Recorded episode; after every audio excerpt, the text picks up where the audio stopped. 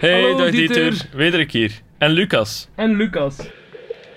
Hallo, Hallo? Hallo. kan je ons verstaan? Hallo met wie? Met? Wederik en Lucas. Ah, hallo, Dieter? Dieter. Dieter, versta je ons? Merci, merci om de plantrekkers te maken. Ja, graag gedaan. En eh, kunt, je, kunt je misschien vertellen eh, hoe, hoe, dat je er, hoe dat je erop gekomen bent? Of, Eh, jullie hebben leren kennen op een trouwfeest eh, een tijdje geleden en dan bleek dat hij de dag voordien was gevallen op zijn hoofd. Dus jij kwam die tegen op een trouwfeest met een kartonnen doos op zijn kop. Ja. Iedereen dacht van ja, die heeft waarschijnlijk wat te veel gedronken of zo, maar nu achteraf ehm te zien is dat gewoon wie hij is. alright. Merci, Dieter. Ja, geen probleem. Tada! Yo, bye bye. Het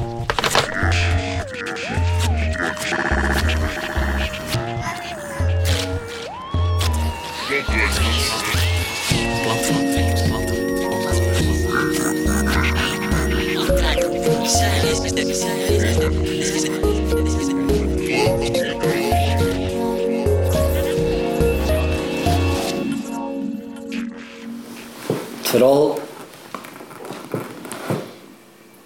van mijn grootste jeugdzonde. Het was echt een hele warme dag. Begin van het bouwverlof. Ik was 12 jaar. Het was broeierig warm. Ik had een rood zwembroekje aan. En sletsen. We liepen door de kantine van de sporthal over de tennispleinen. We kropen over de draad van de tennispleinen. En we gingen naar die chalet. Je moet weten, die chalet, die waren wel een paar maanden aan het vandaliseren. Alle ruiten waren eruit gegooid en ik had al een deel van de inboedel op de rommelmarkt verkocht.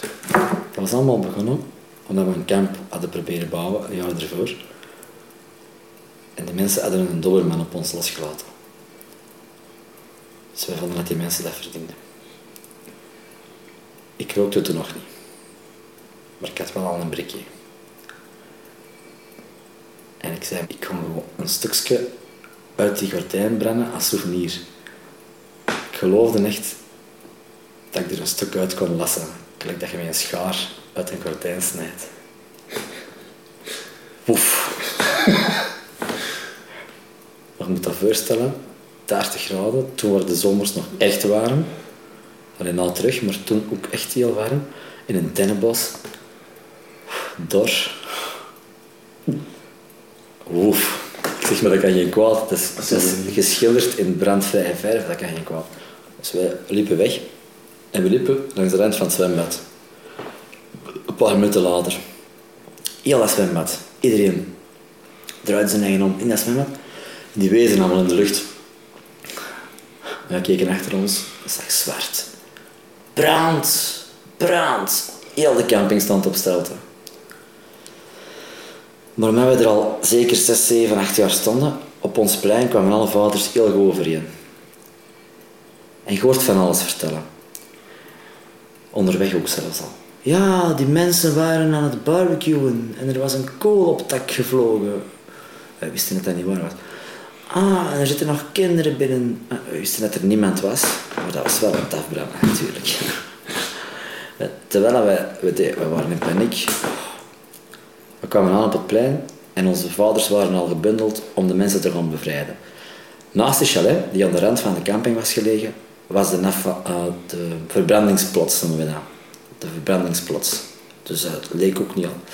Maar tussen de verbrandingsplaats en die, en die bungalow was er een prikkeldraad, een tweevoudige prikkeldraad, acht, acht lagen hoog prikkeldraad en twee naast elkaar. Naast die bungalow die in brand stond, stond er een kleine garagebungalowke waar een speedboot in zat. Een speedboot, een motto en heel veel betaangasflessen. En is heel de camping ging eruit, maar er was geen water om dat te blussen. De brandweer kon er ook niet geraken. En onze vaders die waren dan heel heldhaftig. Was, dat is echt gelijk een, een hele foute jommekesboek. En onze vaders die beslisten, wij gaan die mensen dat erin zitten nog redden.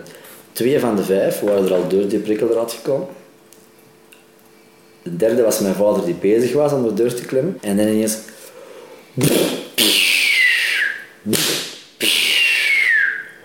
Die agave ernaast had vuur gevat en die betangasflessen begonnen te ontploffen.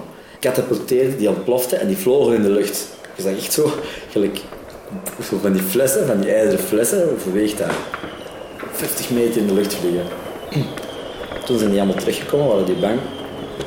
En heel dat, die dingen is afgebrand, ze hebben dat nog wel kunnen blussen. Dat de tankwagens kwamen uiteindelijk. Volledig afgebrand.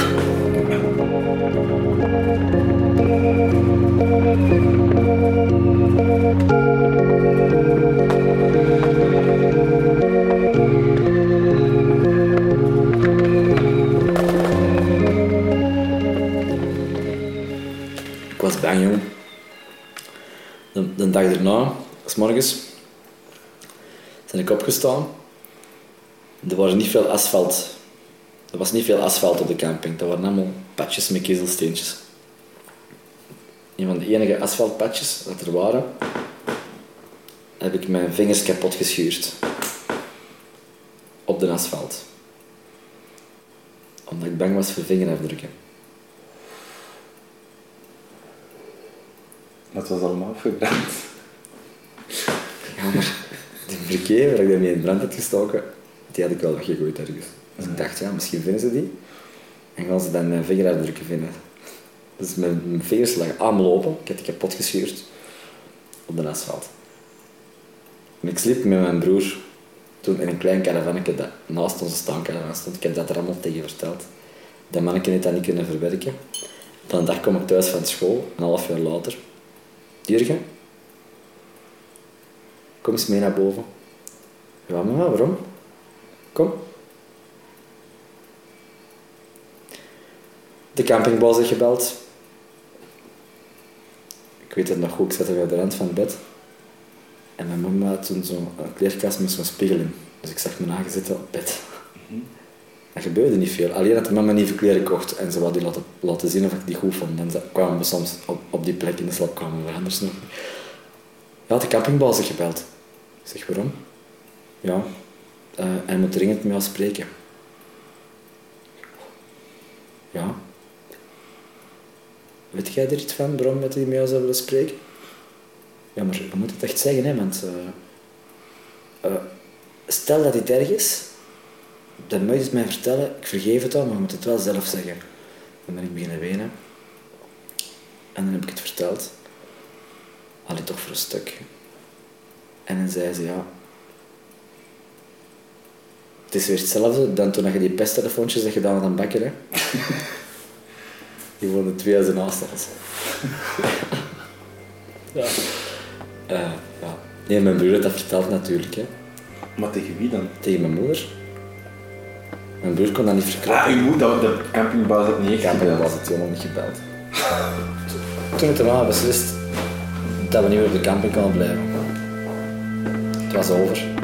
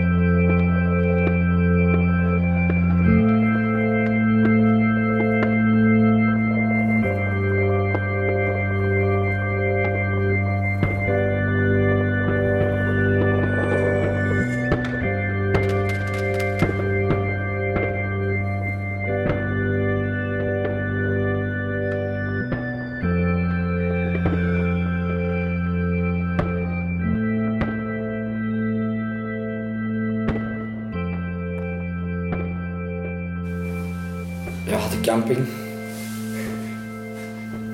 Bij mijn ouders heel dankbaar ervoor. Bij ons was dat niet op straat, wij mochten niet buiten spelen. Maar wij mochten op de camping spelen. We hadden niet veel geld, geen geld voor op verlof te gaan. We gingen elke week op verlof, elke vakantie, altijd. We laden onze auto helemaal vol. Twee karen van de Aldi erin. En we reden daar. We hadden dus de beste tijd van ons leven. Soms wel mindere momenten, hè? gelijk ons jongste broer en ik. Oh, ik zal dat niet eens vertellen. Even teruggaan. Onze Nick is altijd al ADHD gehad. Soms gingen we, als we naar de markt gingen, onze Nick had een les. Deden we onze Nick een les aan. De mensen keken dat wel aardig. Maar dat was met van die witte bandjes. Gelijk een hond eigenlijk, hè. Ja. ja, maar wij wisten waarom het nodig was. Echt. Wij zaten ook bij Zit Stil. Ken je dat, Zit Stil? Zit Stil is een speciale groepering voor ouders en familieleden van kinderen met ADHD. Zwat. In ieder geval, ik ging soms aan de markt mee dat ik een les aan had. Toen het zeven was, dat was ook trouwens aan het begin van het bouwverlof. Het begin van het bouwverlof op de camping was altijd heel speciaal. Waarom? Het is dan heel warm en er zitten de meeste mensen ooit dan op de camping. En iedereen wacht. Iedereen komt aan en begint ja, om zijn zomer te beleven. Hè. Ons vader was bezig in de bouw toen. We moesten overwerken. Dus die had ons eerst komen afzetten 's middags, een uur of drie. Ik en mijn broers en mama wij waren al op. En papa ging dan s'avonds tegen een uur of negen terugkomen. Dat was het begin van ons grote verlof. Dus we zaten te wachten. En de Nick moest er ook al zijn. De Nick was er nog niet. De Nick speelde over de camping. Hè. Zes of zeven was de Nick toen. En dat beeld dat ik nou echt nooit meer vergeten. We zaten aan de, voor de caravan onder het afdak. En in de verte zagen we onze Nick, dat klein manneke, komen afgelopen. En die stak zijn twee handen vooruit. Gelijk dat zo... Uh, gelijk dat, gelijk dat zom- zombies lopen in The Return of the Living Dead. Hiroshima. Of zo. Of, ah ja, of gelijk dat inderdaad. Gelijk die kleine kindjes die lopen inderdaad bij zo'n zuuraanval of zo. zo. En die zijn handen rookten. Nog. Die rookten. En die vellen gingen eraf. Wat was er gebeurd? En ik was aan het spelen naast een chalet dat ze aan het verbouwen waren. En er lag een grote hoop grind. Onder die grote hoop grind lag er een zware ehm, voedingskabel van een elektriciteitskast van 3000 watt, volt of zoiets, keiveel. En hij had weer stoer gedaan tegen zijn vriendjes. Ze hadden dat gezien, dat was koper, dat blonk. Hij had gezegd, hup, komt er niet aan. Die ander gezegd, hij had er touw aangekomen. Die is er gewoon aan blijven hangen. Die was weer. En dan is er eh, een vader, die had dat gezien in de buurt, zo slim geweest. Die heeft een, spade genomen, een schub en hem eraf geslagen. Anders was hij dood geweest. Toen kwam hij naar ons gelopen. En ja, die was in de zoveelste graad verbrand. Pezen over, spieren over. Die drie maanden in het Stuivenberg ziekenhuis gelegen. Druk aan schoentjes moeten dragen. Jarenlang. Ja. Er zijn ook wel vrolijke verhalen in de campings. Hè? Ja, vertel eens een vrolijk verhaal.